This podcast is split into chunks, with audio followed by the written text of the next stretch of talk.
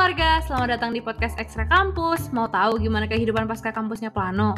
Episode ini kita kedatangan tamu spesial yang bahas kehidupan pasca kampusnya. Dengerin sampai akhir ya. Enjoy Enjoy listening!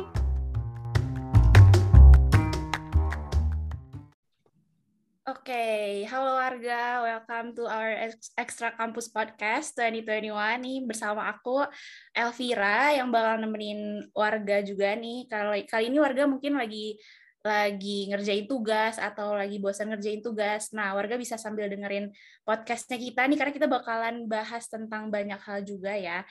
Buat warga yang belum pernah denger nih, yang baru pertama kali dengar gimana nih kabarnya kayak lagi hektik atau lagi gimana nih kan lagi pandemi dan cuacanya juga lagi berubah-berubah. Semoga kesehatannya tetap terjaga ya, fisik maupun mentalnya nih. BTW, ini Elvira nggak sendirian karena bakalan ada Altea juga. Halo Altea, boleh nyap sapa-sapa? Iya, halo Elvira. Nah, eh, hari ini aku bakal nemenin Elvira nih di Extra Campus Podcast. Oke, pada episode perdana hari ini ya. Nah, aku seneng banget sih, eh, apa di mana pun kalian berada, pokoknya selalu setia nungguin episode perdana hari ini. Nah, semoga eh, kalian-kalian juga nggak bosan-bosan ya buat pantengin obrolan seru kita di sini terus ke depannya. Ya, benar nih. Oh ya, Teh, BTW, eh, Teh tahu gak sih kalau misalnya tuh eh, di Plano nih ya, lagi banyak banget, lagi sering banget diobrolin juga nih sam- tentang pendidikan pasca sarjana atau S2 gitu. Teh tahu gak? Tahu sih sering banget dengar apalagi eh, apa namanya baru ini ya El ya. Baru masa-masa masuk kampus banget nih semester baru. Iya, kan. benar. Nah, Benar, banyak juga yang kayak yang kayak dapat ini ya, dapat beasiswa atau kayak udah mulai pindah-pindah juga kan ya karena pandeminya udah mulai turun gitu-gitu kan, Teh. Mm-mm, bener. Apalagi ngehits banget nih El lagi ngelanjutin pasca sarjana di luar negeri. Benar. Nah, karena kita kayaknya kurang berpengalaman ya, Teh, karena kan kita belum mencapai tahap itu ya, Teh ya. Jadi kita iya, kita masih nggak bakal S1 yang berdua doang nih. Ah, benar. Benar, kita Nah. bakalan ada siapa, Teh? Iya, kita bakalan ada kedatangan tamu ya mungkin. Nah, ini dari ada Kak Gisma dan juga Kak Dio. Halo Kak, selamat datang di Extra Campus Podcast. Salam, mungkin kakak-kakak bisa say hi dulu nih sama warga-warga. Halo, halo. Hai hai. Oke, jadi kita Halo. bakalan ngobrol-ngobrol tentang ini ya teh eh, keuntungannya atau terus juga tips and trick buat apply S2-nya Hmm. gimana gitu kan. Uh-uh, terus mungkin eh, beasiswanya mungkin gimana sih kalau buat apply S2 tuh? Iya, benar. Oh ya, Kak Dio sama Kak Gisma, gimana nih kabarnya di masa-masa pandemi di luar Indonesia nih gimana kabarnya, Kak?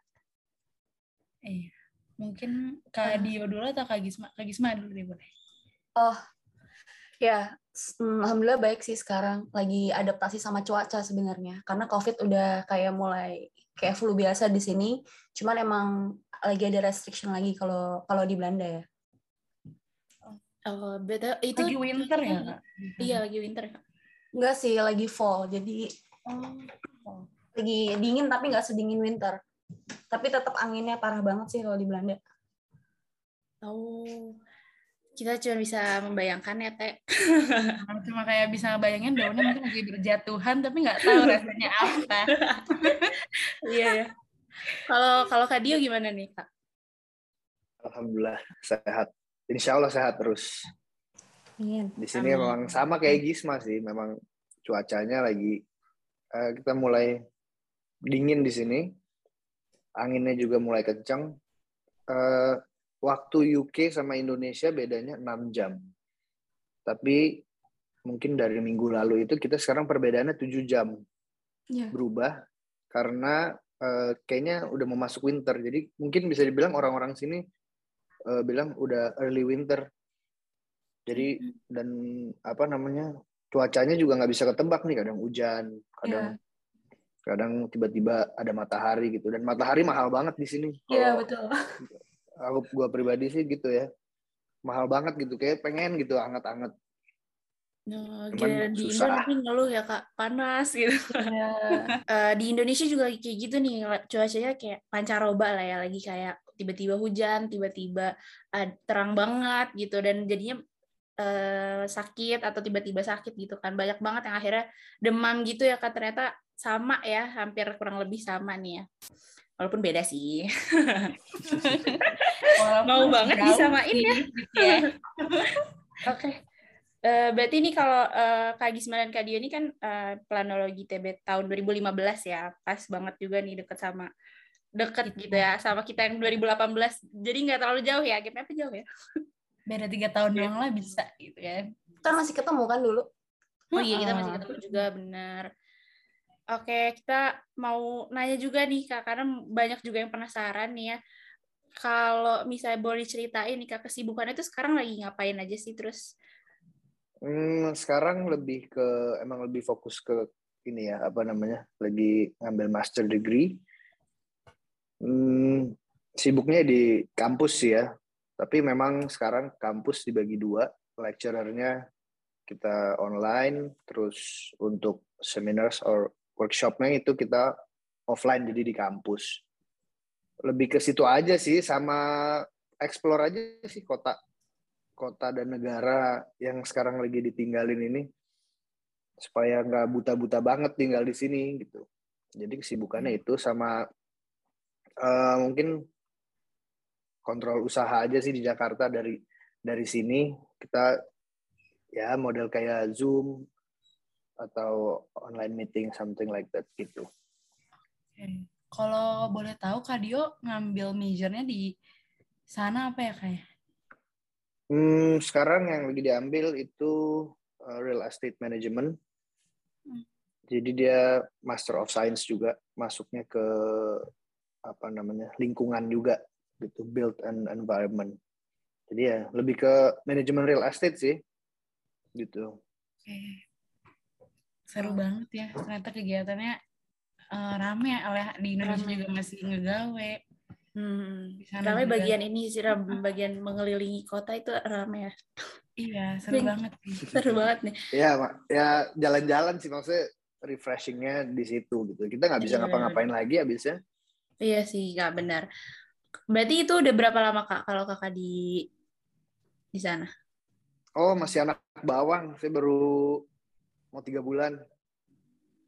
Hmm, makanya masih Newbie. baru mengenal kota gitu ya kayak. Ah, Iya, jadi eh, supaya tahu aja sih maksudnya oh kalau mau ke sini tuh mau mau ngapain, apa kegiatannya apa, kita ke mana gitu. Lebih lebih mencari tahu sih, explore ya. Karena kan ya ibaratnya kita di kota baru minimal kita tahulah supermarket di mana. Eh, mau Benar-benar. makan yang murah di mana gitu ya. Hmm, ya ya ya benar-benar. Mana sih rumahnya Mbak Elizabeth gitu kan? Kenal di Mbak ya. Kalau Kak Gisma nih, Kak Gisma gimana Kak? Iya, Kak Kesibukan. Gisma. Eh, Iya, halo. Jadi sebelumnya aku perkenalan dulu. Aku Gisma. Aku saat ini sedang studi magister di International Institute of Social Studies. Itu bagian dari Erasmus University. Aku ambil programnya studi pembangunan. Eh studi pembangunan tuh development studies Eh, dan tapi aku ngambil majornya itu di agraria, pangan dan ilmu lingkungan atau kita kenalnya AFS gitu di sini. Nah, kebetulan kesibukan kali ini itu karena di Belanda itu kuliahnya udah full offline ya. Jadi kita harus eh, datang ke kampus setiap hari. Jadi memang kesibukannya tuh selama ini aku kuliah doang sih karena eh, aku kayak punya jadwal tuh dari jam 9 sampai jam 4 sore itu belum sama diskusinya. Terus juga di sini cuacanya tuh parah banget kan. Jadi kadang jam 8 tuh baru ada matahari. Jadi emang kesibukannya selain kuliah adalah struggling sama cuacanya seperti yang sudah aku bilang. Dan sama kayak Dio aja sih mungkin karena memang ini baru buat kita wilayahnya kita exploring juga kayak belanja di mana terus juga kalau mau apa-apa gimana gitu. Tapi emang belum sempet yang kayak keluar kota atau keluar negara gitu sih kalau aku. Dan paling ya sama aku mungkin di sini sambil ngisi kekosongan part time kerja gitu sih di sini. Wah. cuman kerjanya yang nggak gimana-gimana gitu kayak bantuin restoran Indonesia gitu gitu biasanya kalau teman-teman aku juga kayak gitu sih atau kerja di kedutaan gitu. Buat nyari receh aja buat makan lah ya kak tapi seru banget deh kak itu kan biasanya yang eh, dream life anak-anak kampus gitu nggak sih kayak sambil kuliah sambil part time gitu kan iya iya Oh iya iya iya. Yang Seru penting banget ya. kali ya El ya. Tapi seru sih. Seru sih. Maksudnya dulu kita aja yang di Indonesia pengen kayak kerja di Starbucks atau apa nggak sih? Iya benar benar benar. gitu kan. Tapi yang mana ada waktunya. Benar sekali. Berarti Kak Gisma ini, ini ya, time managementnya bagus sekali ya. Struggling dengan cuaca dan bisa tetap balance dua hal itu ya. Eh, nggak bagus-bagus banget sih cuman ya memang nggak mungkin karena udah kalau dulu sarjana emang waktu mainnya menurutku lebih banyak sih dibandingkan studi magister nggak tahu kalau di harusnya gitu sih karena studi magister tuh lebih berat di bobot kuliahnya dan aku baru ngerasain kuliah justru pas sudah magister sih waktu sarjana aku kayak main-main doang sih kamu gimana ya Kalau kalau di sini kebalik sih. Mungkin nggak tahu ya karena eh, jurusan yang gue ambil mungkin Hmm. nggak terlalu berat gitu ya. Eh, dia kan real estate management dan ada beberapa pengetahuan yang umum gitu. Hmm. Jadi kalau gue ngerasa gini, ini kan udah mau masuk Desember. Desember ke Januari itu udah mulai mau masuk eh, assessment, assessment week, sama jadi banyak submission kan. Nah jadi kalau kuliahnya beda sama di Indonesia, gitu. Kalau gue di sini ngerasanya dikasih bahan, diceritain, dikasih contoh-contoh, habis itu kita harus cari tahu sendiri mungkin kalau di Indonesia kita bisa tahu maksudnya kita dikasih tahu terus habis itu secara gamblang nih dikasih tahu loh ini gini gini gini gini loh gitu. Dan ibaratnya kita di feed kita disuapin. Kan pasti pasti juga gue sering denger dulu dosen bilang ini kita sama dosen kamu disuapin loh gitu. Dikasih tahu terus terusan kalau di sini misalnya workshop dalam satu minggu gue dapat waktu workshop tuh 8 jam. Nah, 8 jam itu ya harus kita iniin bener-bener gitu. Karena setelah workshop misalnya pelajaran tentang eh, hukum misalnya. Satu minggu dapat dua jam seminar sama satu jam lecture. Jadi di dua jam itu kita harus bener-bener gali misalnya materi tentang tentang apa tentang kontrak misalnya. Ya udah tuh kita mesti gali bener-bener sama si lecturernya. Baru habis itu eh, nanti next weeknya itu udah pindah, udah lupa tentang kontrak itu. Jadi benar-benar kita harus ikutin pace-nya sama benar-benar ya kita harus benar-benar kalau misalnya lu nggak ngerti, lu langsung tanya. Karena nggak bisa kita ulang lagi nanti. Gitu. Hmm. Lebih Jadi lebih ya udah. lebih waktu S1 mungkin waktu waktu di dulu di Plano mungkin gue bisa lebih banyak time managementnya bisa bisa oke lah gue misalnya kampus terus mau eh, ke Jakarta atau ke mana. Gue seringnya dulu begitu.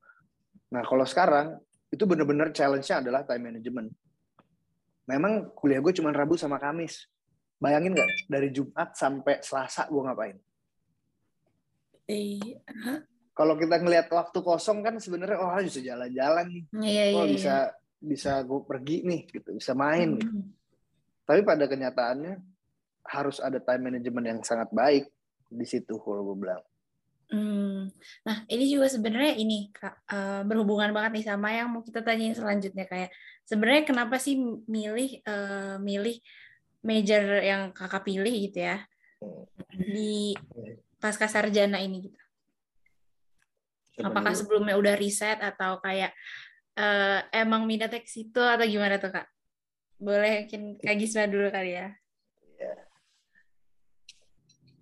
Hmm, kalau pertama, jadi sebenarnya orientasi aku S2 itu aku jadi di tahun 2020 kemarin kan kita kayak ada pause gitu ya karena COVID. Nah, aku tuh mikir gitu kayak ngapain ya kerja juga gitu-gitu aja gitu dan karena emang aku orangnya aku emang pengen bergerak di akademisi gitu. Jadi aku mikir ya udahlah Hmm. mending S2 sekarang aja gitu karena memang eh, dulu aku mikirnya S2-nya mungkin bisa online gitu, tapi ternyata enggak. Nah, terus memang sebenarnya aku tuh tertarik sama dunia sosial, studi sosial gitu sih. Dulu tuh aku mau banget masuk HI gitu, tapi ngasar ke ITB gitu. Dan aku kan ngeliat ya ITB itu kan apa namanya sebenarnya sekolah teknokrat gitu, sekolah teknik gitu. Dan aku pengen nge-explore eh, em, mata. Jadi aku tuh dulu nge-challenge gitu sih. Kenapa kita cuma belajar belajar tentang guna lahan tuh cuma ngomongin tentang land use. Kenapa kita nggak ngomongin land ownership gitu? Nah dari situ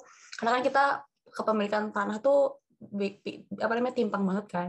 Intinya aku masuklah ke studi agraria gitu. Nah akhirnya setelah aku berkelana ke dunia agraria aku tahu kalau misalnya kampusku ini adalah uh, kampus yang punya jurusan paling spesifik gitu yaitu agraria pangan dan lingkungan gitu yang ada aku semua gitu Nah, jadi emang orientasi aku milih jurusan ini itu karena emang dari full interest aku gitu. Dan aku emang bukan tipe orang yang ngelihat, oh ini universitasnya ratingnya uh, lima besar di dunia gitu, atau kayak oh ini universitasnya itu Ivy League gitu, ini well known gitu. Buat aku itu nggak hmm. penting gitu. Yang buat aku yang penting adalah dia menunjang karir aku, dia menjawab semua pertanyaan yang aku punya di kepala aku. Ya udah aku akan masuk ke situ gitu. Dan dan juga aku suka banget sama kampus aku karena lingkungannya tuh sangat diverse. Diverse itu adalah banyak sekali jadi nggak cuma dominan white people gitu nggak cuma ngomong nggak cuma orang-orang barat tapi kita juga datang dari uh, negara-negara berkembang. Jadi teman-teman aku tuh banyak dari Ghana dari India Kashmir dari uh, apa namanya Zambia gitu. Jadi memang ada banyak banget puluhan lebih negara eh, negara-negara berkembang yang di mana aku itu tuh menarik buat aku gitu. Karena kan aku studi pembangunan kan. Aku hmm. mempertanyakan lagi seharusnya tuh pembangunan seperti apa? Apakah pembangunan MRT apakah pembangunan infrastruktur? Apakah pembangunan tuh melulu tentang diskursus ekonomi gitu? Kenapa hmm. kita nggak ngomongin dari segi pandang apa? Misalnya human rights. Hmm. ini menarik banget ya teh ya. Kayak wah, wah e, dan terlihat sangat cocok juga untuk Kak Gisma karena Kak Gisma juga kan dulu di di TV kita tahunya kayak aktivis juga ya Teh ya. Benar suka iya. kayak tampil di pusat segala macam juga ya El ya. Iya bener jadi kayaknya kita ngeliatnya wah cocok juga nih. Oh kita ini siapa sih Teh? kayak cocok-cocok aja. Apalagi lain nama yang dimau kan nama Kak Gisma. Bener, bener. Oh ya wah menarik banget nih. Kalau dari Kadio mungkin gimana kak? Kenapa sih ngambil major yang tadi real estate management ya di Universitas Birmingham itu? Jadi di dunia akademis apa di dunia universitas ini real estate ini dicabang-cabangin lagi spesifik. Jadi ada yang real estate development, ada yang uh, tentang housing development gitu. Gue senangnya sama real estate management karena apa? Secara develop, kalau development itu kita bicara pasti teknik lagi dong. Sedangkan gue di S1 udah cukup cukup banyak belajar tentang teknik. Gue pengen belajar tentang how to manage, how to make it sustainable. Gitu. Uh, ya udah, akhirnya gue cari nih manajemen, uh, manajemen real estate. Uh, ya udah, gue nemu. Akhirnya banyak real estate development yang keluar, bukan real estate management. Jadi banyak tuh yang keluar tuh terutama real estate, build and development. Uh, secara gue berpikir awam, development sama uh, build itu mungkin akan banyak anak plano, sipil sama arsitek. Semua ada di situ. Mungkin ada beberapa lagi eh, bidang-bidang uh, lain yang akan involve. Tapi ya itulah tiga tiga itu. Nah, banyak tenaga atau sumber daya yang bergerak di bidang itu. Tapi kalau kita bicara siapa yang manage real estate itu? Jadi ya gue itu di situ gue tertariknya ada satu karakteristik tersendiri lah. Oh manajemen real estate mungkin jarang banget gitu. Orang dengar kalau real estate development, build atau ya semacam itu mungkin banyak. Tapi ketika ngomong manajemen sedikit gue ambil di situ. Kalau dari Kak Dio sama Kak Gisma, keuntungannya eh, apa sih yang dirasain selama eh, kan udah ngejalanin beberapa bulan kuliah S2 nih di luar. Nah, keuntungan yang dirasain tuh apa sih gitu? Mungkin bisa diceritain kali Kak. Penasaran. Oke. Okay. Hmm. Formatnya gitu aja kali ya, aku Dio gitu ya. Atau Iya, ya, benar. Ya, jadi kalau keuntungannya sejauh ini pertama yang aku bilang tadi ya aku jadi critical thinking aku makin meningkat gitu sih uh, terus keuntungan kedua adalah tadi ya international environment menurut aku international environment itu benar-benar memperkaya wawasan dan perspektif kita. Jadi kita nggak cuma ngelihat Indonesia ke dalam gitu. Kita nggak cuma zooming in Indonesia aja gitu, tapi kita juga bisa ngeliat misalnya kalau aku social studies gitu, Indonesia tuh berperan di mana aja sih gitu. Apa sih peran Indonesia gitu misalnya. Dan juga yang lainnya, keuntungan lainnya menurutku adalah uh, ini sih dengar cerita dari banyak orang itu sih karena karena international environment kali ya dan aku uh, fokusnya di gerakan gitu Seru banget sih kalau lihat-lihat. Maksudnya kalau kita kan di ITB paling cuma sebatas Bandung, Jakarta, Bogor ngomongnya. ya. Tapi kalau Kak Gismenis udah dunia ya El. Udah, udah antar negara ya Teh. Kalau kita kan baru ngomongnya Jakarta Barat dan Bandung apa sih bedanya? Bandung ada apa sih El sekarang gitu? Seru-seru. Kalau Kak Dio gimana nih Kak? Keuntungannya apa sih yang dirasain dari ngambil real estate management nih di Birmingham ya? Hmm, satu sama kayak yang tadi gue bilang ya, uh, ilmunya spesifik banget, jadi berkarakteristik banget gitu ya. Mungkin di Indonesia jarang atau bahkan nggak ada kali ya untuk manajemennya, tok uh, manajemennya aja gitu. Um, terus secara culture banyak gue dapet perbedaan culture di sini. Uh, Birmingham City University itu uh, Birmingham City University itu kampus yang internasional lah ibaratnya gitu ya. Jadi banyak juga orang-orang uh, yang bukan dari Birmingham dan bukan dari Inggris. Sama kayak Gisma, gue banyak bertukar pikiran sama mereka. Tapi kan sebelumnya tuh sebelum kayak melanjutkan ke S2 gitu, uh, sempet kayak gapnya itu kerja dulu kah atau kayak emang pengen langsung aja gitu S2?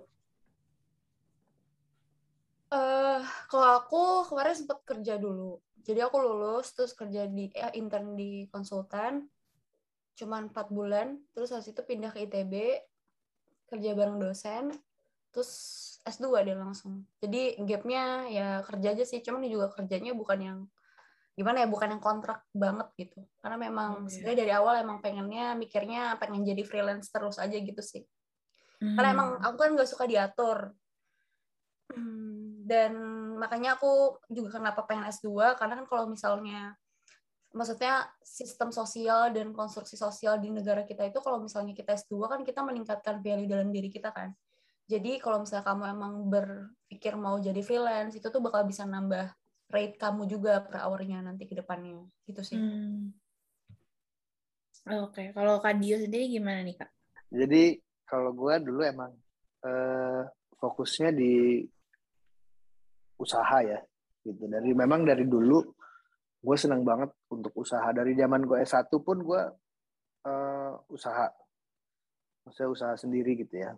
Hmm, memang itulah yang gue bilang gue punya usaha tapi kok sayang waktu gue dulu empat tahun belajar ilmunya nggak kepake gitu. Makanya gue ambil master kan gitu. Hmm, berarti uh, dua-duanya uh, dua-duanya sama-sama uh, ini ya ingin emang ingin melanjutkan ke S2 cuman di situ di antara gap itu ngambil kesempatan kesempatan kesempatan bisa dilakuin gitu untuk tetap produktif ya. Berarti ini ya bisa jadi bahan pertimbangan nih, misalnya kayak warga mau karir karir dulu atau sambil nyari-nyari gitu kan, kayak Kadio sama Kak Gisma, mau major apa sih? Kan sambil mikir-mikir dulu di gapnya baru mungkin udah mantep nih ya, baru lanjut S2 atau gimana. Kalian kayak ini juga kali ya riset-riset Eh, kalau kalau aku gitu. bilang kalau aku bilang lebih mending kerja setahun terus habis itu ambil beasiswa dari kantornya. Oh iya ada juga yang kayak gitu ya. Kalau funding dari cost living di kedua negara ini gimana sih kak di Belanda sama di Birmingham mungkin boleh di sharing-sharing kali ke kita gitu. Misalnya karena ada beberapa warga yang tertarik nih sebenarnya yang mau S2 gitu. Jadi ada bayangan-bayangan fundingnya nanti di sana gimana?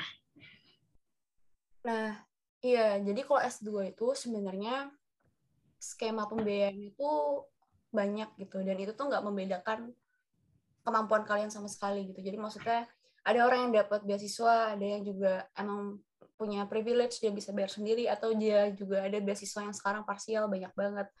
Nah, kalau misalnya di Belanda sendiri, jadi karena emang hubungan bilateral negara Belanda sama Indonesia itu cukup punya historical yang cukup apa ya cukup panjang dan negaranya masih bersahabat sampai sekarang bersahabat. Itu kita skema pembiayaannya tuh ada yang dari pemerintah Indonesia yaitu LPDP sendiri. Ini untuk beasiswa ya. Ada yang kedua itu adalah dari pemerintah Belanda. Jadi kalau dari pemerintah Indonesia itu ada LPDP nah, LPDP itu ya biasalah ya seleksinya. Dan aku sebenarnya nggak cukup tahu karena aku bukan LPDP Nah, terus yang kedua tuh ada beasiswa uh, dari pemerintah Belanda. Nah, dari, beasiswa dari pemerintah Belanda itu tuh ada banyak, ada Sturnet, ada OKP, ada OTS, ada uh, beasiswa Sturnet uh, kolaborasi sama Dikti dan uh, beasiswa Sturnet kolaborasi sama LPDP dan Dikti. Nah, tapi memang beasiswa itu itu tuh skema dan cara apply-nya tuh beda-beda tiap tahun. Jadi memang aku bisa ngejelasin pengalaman aku, tapi belum tentu ini apply untuk angkatan kalian gitu atau uh, setahun-tahun berikutnya. Apalagi kalau misalnya ada major apa major force kayak gini kayak COVID gitu. Nah terus memang kalau kan aku student Nah jadi kalau student itu uh, kita tuh udah beasiswa dari pemerintah Belanda. Dulu tuh aku emang nyari beasiswa, tapi yang aku tuh nggak mau terikat dengan beasiswanya menurutku beasiswa student itu cukup fleksibel gitu. Karena pertama aku gak harus pulang ke Indonesia setelah aku mendapatkan beasiswa student jadi kalau aku mau berkarir di Belanda pun aku diperbolehkan. Justru malah punya benefit karena aku beasiswanya dibiayai oleh pemerintah Belanda. Jadi aku tuh sekolah dari pajak-pajak orang Belanda. Terus uh, aku student jadi kalau student itu sekarang itu skemanya bukan bantuan pendidikan, tapi lebih ke partnership.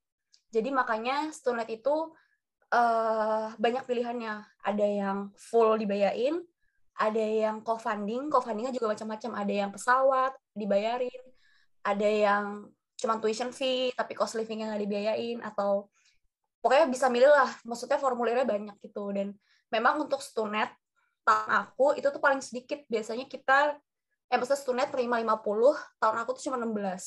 Nah, itu tuh juga gara-gara COVID sih kayaknya dan makanya skemanya banyak kan beasiswanya tuh uh, apa ya, kolaborasi gitu. Jadi makanya LPDP sama Student gitu. Tapi emang khusus di Belanda doang ya ini. Terus jadinya uh, dan beasiswa student itu harus berdasarkan field kalian, misalnya jurusan kalian mau di ABC. Jadi tuh uh, salah satu kriteria kamu kamu bisa dapat beasiswa Stunet itu adalah major kamu atau interest kamu itu tuh sejalan sama agenda bilateral Belanda sama Indonesia. Misalnya agenda bilateral waktu zaman aku itu ada agri-food, ada tentang lahan, tentang human rights, sama ada tentang uh, circular economy ini. Jadi selama kalian itu kuliah di bidang itu, kalian punya kesempatan untuk uh, dapat beasiswa uh, Stunet itu. Tapi sebenarnya teman-temanku juga banyak di sini yang uh, apa ya nggak full dibayarin beasiswa atau misalnya mereka biaya sendiri. Karena memang kalau di Belanda itu uh, cost livingnya memang lebih tinggi dibanding Indonesia. Cuman nggak mahal-mahal banget gitu. Jadi menurut aku uh, mungkin kalau middle class gitu dari Indonesia masih bisa lah gitu. Dan di sini juga karena bisa sambil kerja juga jadi sebenarnya nggak masalah gitu. Kalau misalnya kalian tuh cost livingnya apa ya cost livingnya tuh um, pas-pasan gitu. Karena kalau kalian kerja di restoran kalian bisa dapat makan dan lain-lain gitu. Jadi memang kalau dari segi pembiayaan kita paling habis 9 sorry biasa biasanya tuh biaya apa biaya rumah tuh sekitar 400 sampai 550 euro. Aku nggak tahu itu berapa dirupiahin uh, biaya living cost-nya itu bisa cuma 200 euro gitu sih. Jadi 700 euro tuh kamu udah udah dalam per bulan tuh udah lumayan aman gitu. Apalagi kalau kamu dapet dorm dari kampus itu bisa lebih murah lagi gitu sih. Kalau di Belanda ya. Berarti mah tinggal money manajemennya aja ya kayak karena masih bisa part time kok gitu kan. Betul. Kalau misalnya cari tambahan-tambahan gitu kalau di Belanda mungkin kalau di Inggris lebih mahal kali ya aku nggak tahu deh karena kan dia pounds mm -mm, bener lebih mahal mahal banget. Eh, jadi kalau untuk beasiswa gue bener-bener gue self funding. Jadi gue sendiri, bener-bener sendiri. Eh, untuk berangkat semua itu gue sendiri. Tapi kadang dari universitinya itu ngasih diskon, gitu ada diskon lah. Kadang juga universitinya ngasih untuk eh, beasiswa. Beasiswa tuh jadi beasiswanya tuh lebih ke diskon sih kalau ke uni ke uni gue gitu. Uni gue tuh misalnya eh, tiga belas ribu pound misalnya. Tiga belas ribu pound jadi enam ribu gitu kayak gitu. Eh, lebih ke diskon ya gitu kan. Terus habis itu eh, kalau untuk beasiswa gue bener-bener gue buta tentang beasiswa. Cuman dengar-dengar aja sih. Tapi eh, karena yang gue tahu itu banyak beasiswa tuh banyak. Maksudnya be- beasiswa dari swasta dari pemerintah dari mana semua banyak. Dan coba ambil aja gitu. Karena gue ngerasa eh, itu sangat membantu deh. Even itu nggak di cover semua atau di cover semua itu sangat sangat membantu gitu. Nah di sini sama seperti yang gue bilang tadi lo mau eh, apa namanya mau boros apa mau hemat itu pilihan di sini tuh. Karena ya kalian kan hidup sendiri. Semua kalian yang atur. Money management time management itu bener-bener ya udah kuncinya di situ gitu Eh, mungkin orang bisa hidup di sini dengan uang 800 sampai 1000 eh ya 800 sampai 1000 itu udah lebih dari cukup sih. 1000 udah lebih dari cukup. Beda kalau Bulan- kalian satu bulan. Satu bulan itu 800 sampai 1000 1000 udah lebih dari cukup karena eh gue kan sebelum ke sini juga tanya-tanya ya sama yang sekolah di sini gitu ibaratnya kalau dia bilang 1000 itu lo makannya di rumah tinggal di student akom setiap bulan paling nggak bisa jalan-jalan. Seribu. Refreshing lah ya. nah, itu udah lebih dari cukup. Tapi gue concern banget di sini yang namanya life balance. Benar-benar gue concern sekali. Karena apa? Karena satu lu hidup sendiri. Kedua pressure-nya lumayan di sini. Maksudnya lu untuk belajar belajar belajar dan life balance sih sangat penting lah di sini. Jadi selalu siapin eh, apa namanya dana nggak usah banyak-banyak untuk mereward diri lu sendiri dalam satu bulan. Balik lagi mental health itu sangat penting gitu. Kayaknya kayak biar lebih irit lagi masak di rumah gitu kali ya kayak. oh iya harus itu harus Oke, berarti eh, lumayan ya Teh ya dari pengeluarannya nih Teh kita kayaknya kalau makan di luar dan nambah agak boncos ya. Tapi tapi Kak kalau Kenapa? misalnya eh, pas itu pas milih universitasnya gitu ya dan juga jurusannya itu eh, tips and triknya gimana sih Kak kayak pas mau milihnya gitu terutama mungkin ke universitasnya juga gitu apa harus nyari-nyari dulu eh, jurusan-jurusan yang sesuai gitu atau gimana kak? hmm, Iya, Bisma silakan buat ngurus eh apa sih milih universitas ya. Jadi pertama tuh kamu harus nentuin dulu sih kayak kamu tuh S2 mau ngapain. Itu harus dijawab dulu. Kayak apakah kamu S2 tuh emang pengen buat misalnya kayak dio karir gitu atau kayak emang kamu suka belajar aja atau kamu emang eh misalnya disuruh sama orang apa sama kantor gitu. Itu kamu harus define dulu karena nanti itu akan menentukan hmm, universitas mana yang pengen kamu tuju. Nah, aku tuh dulu kayak gitu sih. Jadi aku nanya dulu, aku tuh maunya apa gitu. Kenapa aku mau S2 gitu. Misalnya let's say aku mau S2 emang karena aku pengen mendalami suatu, suatu bidang gitu. Ya udah, berarti kan yang aku cari tuh jurusannya gitu, bukan kampusnya kan. Karena kan yang aku pengen kan field-nya, bukan uh, kampusnya. Tapi Hmm. ada aja orang yang kayak gue pengen S2 karena emang gue pengen di uni di univ itu gitu. Misalnya gue pengen di Harvard, gue pengen di Oxford gitu. Ya, Hmm. jadi mau apa pun jurusannya bisa aja lo apply gitu.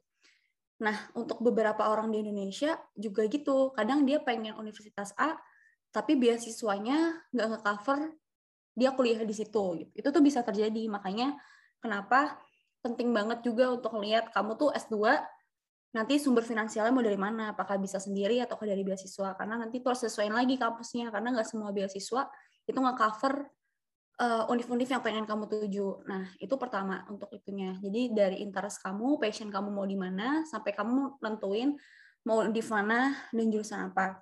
Dulu aku tuh emang pengen development studies. Jadi aku cari tuh best development studies in the world gitu. Oh ternyata muncul nih Sussex di Inggris. Tapi aku ngeliat lagi kurikulumnya, oh ternyata dari kurikulumnya nggak cocok sama apa yang aku pengen gitu. Jadi aku terusin, oh ternyata LSI ada nih di London. Oh tapi aku nggak suka sama ini gara-gara nggak ada mata kuliah ini gitu. Sampai akhirnya aku nemu uh, univ yang, oh ternyata ini ada bidang aku gitu. Yaitu di Erasmus ini. Sama ada satu lagi di uh, di Hand University. Tapi pas di apply, uh, eh enggak. Jadi pas udah aku tahu aku mau ke mana aku mulai buka kampusnya. Aku buka im apa website kampusnya. Dari website kampusnya aku ngeliat tuh di bagian uh, admission di bagian kita mau daftar. Nah nanti uh, di situ kelihatan semua tuh dari requirementsnya. Misalnya mereka butuh dia mencari sosok calon mahasiswa yang uh, biasanya pertama tuh kita disuruh apply tentang motivation letter. Nah, motivation letter itu tuh uh, kayak lebih apa ya motivasi kamu kenapa pengen melanjutkan S2 itu tuh kayak bisa kamu bilang interest kamu apa, kenapa kamu misalnya nanti tujuan habis S2 tuh mau ngapain, uh, terus kenapa di kampus itu dan kenapa di negara itu. Nah, itu tuh biasanya kamu tumpahin semua di motivation letter dan memang motivation letter ini untuk kampus aku tuh kunci karena aku tuh seleksinya cuma dari motivation letter. Beberapa kampus ada yang wawancara, ada yang juga harus berkali-kali prosesnya. Cuman kalau untuk kampus aku tuh cuma motivation letter. Jadi motivation letter tuh penentu dan itu cuma seribu kata. Jadi kamu disuruh masukin semua cerita hidup kamu dalam seribu kata. Itu. Tapi beberapa universitas lain itu juga nggak cuma motivation letter doang, tapi juga ada personal statement. Personal statement beda lagi sama motivation letter. Jadi emang setiap kampus itu punya persyaratan yang beda-beda. Jadi kalau misalnya kalian mau S2, kalau kita kan dulu satu sistem ya mau masuk IPB ya lewat SBMPTN atau SNMPTN gitu. Tapi kalau misalnya kasusnya S2 itu beda karena itu kamu akan lebih ke professional school kan. Jadi memang requirements-nya bukan lebih ke kapabilitas numerik doang atau gimana cuma juga ada kayak uh, willingness kamu gitu. Mereka pengen lihat willingness kamu tuh ngapain gitu. Nah nanti dari uh, hal pertama yang kamu lakukan adalah cek website univnya. Jadi dari website univnya tuh nanti biasanya kamu diarahin gitu. Misalnya kamu disuruh nyiapin motivation letter, terus IELTS. Nah, IELTS itu juga beda-beda. Maksudnya kemampuan bahasa Inggris. Kayak di, di US itu ada GMAT. Di aku nggak ada GMAT, aku cuma IELTS atau TOEFL. Terus skornya juga beda-beda. Di aku minimal tuh bisa 6 IELTS. Tapi setelah aku di UK nggak bisa tapi aku nggak tahu. Setahu aku di setiap negara tuh beda-beda. Di Australia tuh nggak bisa enam, harus tujuh. Dan setiap univ juga beda-beda kemampuan bahasa Ada yang harus IELTS, ada yang bisa TOEFL, ada yang harus GMAT. Kayak gitu tuh beda-beda. Jadi kalian harus lihat dari website si kampusnya dan dia biasanya memperbaharui tiap tahun. Terus selain kemampuan bahasa Inggris juga oh untuk kemampuan bahasa Inggris tuh aku dulu nyiapinnya kayak setahun sebelumnya karena memang walaupun kamu udah bisa bahasa Inggris, kalau tes IELTS tuh nggak tahu kenapa karena dia format banget kan dan sangat akademis, jadi makanya itu harus latihan gitu. Terus dari bahasa Inggris, uh, ketiga udah sih paling kalau aku tuh cuma satu seleksi doang kan motivation letter, oh sama recommendation letter. Nah recommendation letter tuh biasanya dari kalau aku dulu dari pembimbing sama uh, bos kalian di tempat kerja. Jadi sebisa mungkin kalian benar-benar inilah kalau misalnya kalian nanti udah lulus kerja itu tuh kalian menjaga komunikasi dan performance kalian di depan mereka. Karena mereka tuh akan memberikan benefit ke kalian misalnya kalian harus butuh recommendation letter. Karena recommendation letter itu juga sesuatu yang menentukan. Karena kan uh, si univ itu mau ngeliat kan bagaimana kita bekerja performance kita tuh gimana communication skill kita gimana. Nah nanti si yang memberikan rekomendasi itu tuh adalah orang yang bisa menilai kita gitu dari segi skill dan juga akademik gitu. Nah, kalau di Belanda memang sebenarnya konteks uh, kebanyakan tuh motivation letter sama wawancara. Yang jadi wawancara tuh setelah kalian lolos tahap berkas. Jadi tahap berkasnya tuh tadi ya eh, motivation letter, bahasa Inggris, terus juga recommendation letter. Nah, itu tuh adalah yang biasanya ada di mana-mana gitu. Nah, tapi kalau untuk negara US itu emang ada GMAT. GMAT tuh kayak kalian TPA tapi bahasa Inggris gitu. Jadi memang harus balik lagi kalian mau univnya di mana, negaranya mau apa gitu. Tapi benefitnya kalau misalnya kalian mau di negara yang kayak bahasa Inggris tuh bukan bukan native gitu ya, biasanya skor IELTS uh, rendah gitu. Kayak misalnya aku di Belanda ya 6 gitu karena ya kan negaranya bukan native Inggris gitu. Gitu sih tips and tricksnya. Sama ya udah paling lihat jadwal ini. Oh ini juga penting. Misalnya kalian mau juga nyari beasiswa. Biasanya kalau univ-univ di Belanda sama di Eropa itu tuh buka udah dari Oktober. Jadi uh, Y-1. Misalnya aku mau daftar tahun 2022. Nah, 2021 ini bulan Oktober kemarin tuh udah buka. Kenapa udah buka? Karena biasanya tuh beasiswa itu tuh buka di bulan Februari Maret di tahun 2022 gitu. Jadi uh, kenapa makanya disiapinnya harus dari setahun sebelumnya? itu tuh karena biasanya memang untuk daftar beasiswa kamu tuh harus menunjukkan kalau kamu tuh udah punya acceptance letter. Nah, acceptance letter itu biasanya kalian dapetin tuh di bulan Januari Februari. Sedangkan uh, beasiswa itu tuh buka di bulan Februari Maret di tahun itu. Sorry, Maret April biasanya. Kayak gitu sih. Dan itu penting banget karena jangan sampai kalian pas mau daftar beasiswa kalian belum punya acceptance letter karena itu nanti kalian jadi uh, apa ya beasiswanya tuh jadi nggak kuat gitu loh karena kalian belum pasti berangkat gitu di di dihitungnya gitu. Hmm. Itu sih. Berarti acceptance letternya bisa dari dosen atau apa gitu ya kayak ya? eh recommendation. Recommendation ya recommendation. Uh, iya bisa dari dosen pembimbing. Sebenarnya yang memang uh, biasa itu recommendation letter tuh dari orang yang tahu kamu secara akademis dan satu lagi orang yang memang uh, tahu kamu secara skill gitu sih di luar akademik dan itu bisa hmm. siapa aja gitu tapi jarang sih kayak orang tua biasanya lebih ke profesional gitu atau employer oh iya iya ternyata banyak ya teh ya tips and triknya dari Kak Gisma uh, buat buat apply S2 ya teh? Mm-mm, perlu ngulik juga nih Al tadi kan buka websitenya terus banyak gitu kan dari Kak Gisma tips and triknya iya. milih-milih apa gitu kan. Benar-benar benar. Selain dari tips and trik dari Kak Gisma juga kita juga perlu cari tahu sendiri ya sebenarnya kayak apa aja gitu yang dibutuhin kan mm karena kan kayak nyesuaiin ya sama kebutuhan kita sama apa yang kita pengen kan ya El ya mm benar nah kalau Kak Dio sendiri gimana nih Kak uh-uh. dari tips and hmm kayaknya udah ke cover semua sama Gisma deh. Maksudnya nggak beda jauh ya. Oh, iya. Uh, kalau tapi kalau gue mikirnya yang sama kayak tadi Gisma juga udah ngomong sih sebenarnya.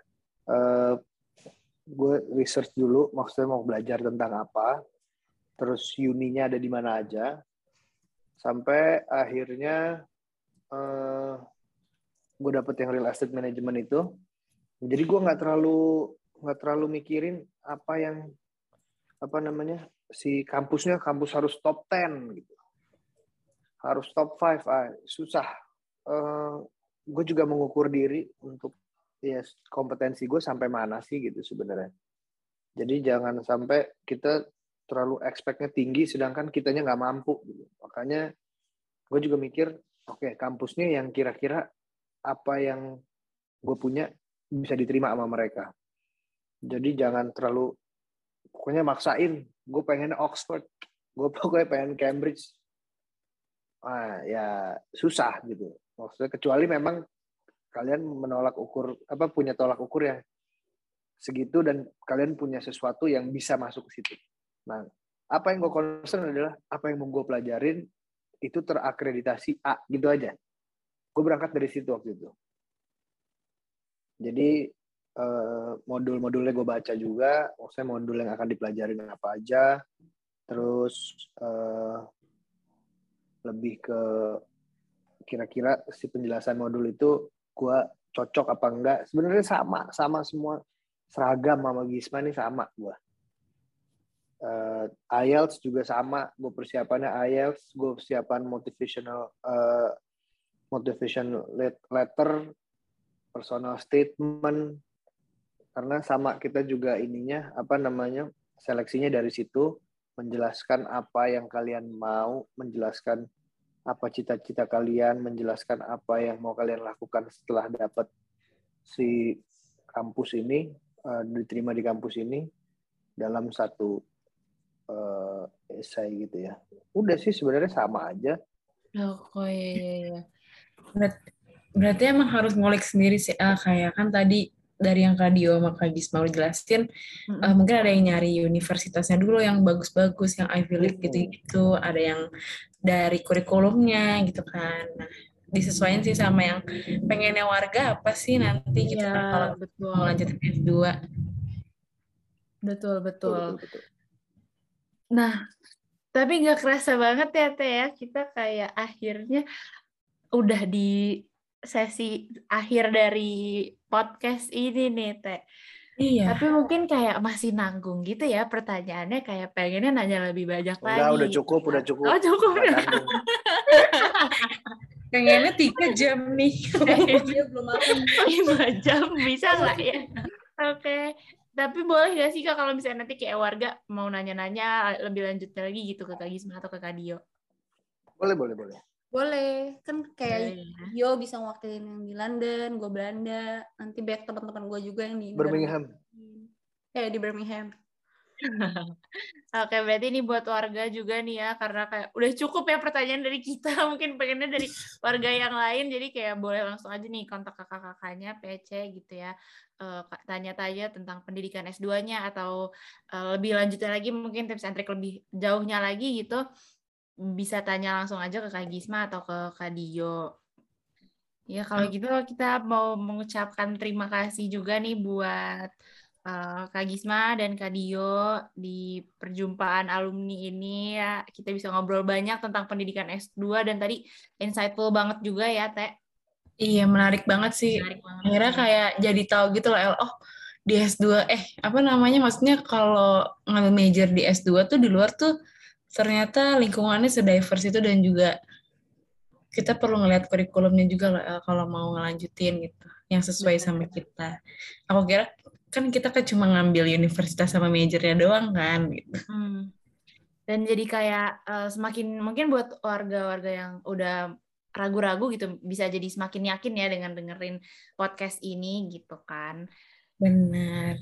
Seperti yang udah dijelasin sama kakak-kakaknya nih El, Kak Dio sama Kak Gisma. Ya udah buruan aja langsung warga sebenarnya pengennya gimana nih mulai dipikirin atau mau lanjut S2 langsung atau mungkin mau gap dulu mau kerja gitu kan. Ngerasain dunia kerja baru nyemplung di pendidikan pasca sarjana gitu. Benar. Dan masih banyak lagi juga ya Teh ya, dari ekstra kampus yang bakal uh, ngasih insightful dari dari alumni alumni lain juga nggak cuma dari Kak Gisma dan Kak Dio. Makanya buat warga nih jangan lupa buat dengerin jangan lupa buat dengerin The Extra Campus Podcast bakal hadir lagi nanti dengan berbagai dan beragam bintang tamu juga. Jadi siap-siap aja nih ya buat uh, buat menyiapin juga nih ya kehidupan after kampus gitu kan. Okay, Atau mungkin gitu. uh, uh, Enggak mungkin ada warga ada saran mau bintang tamu siapa selanjutnya? Iya. Benar-benar mungkin bisa sampai di sini dulu aja nih ya episode podcast kali ini. Uh, kalau misalnya ada kritik dan saran bisa juga DM ke Insta DM Instagramnya IGHMP. Kalau gitu, Tea dan Elvira pamit undur diri. Terima kasih. Terima kasih. Sampai jumpa. Terima kasih.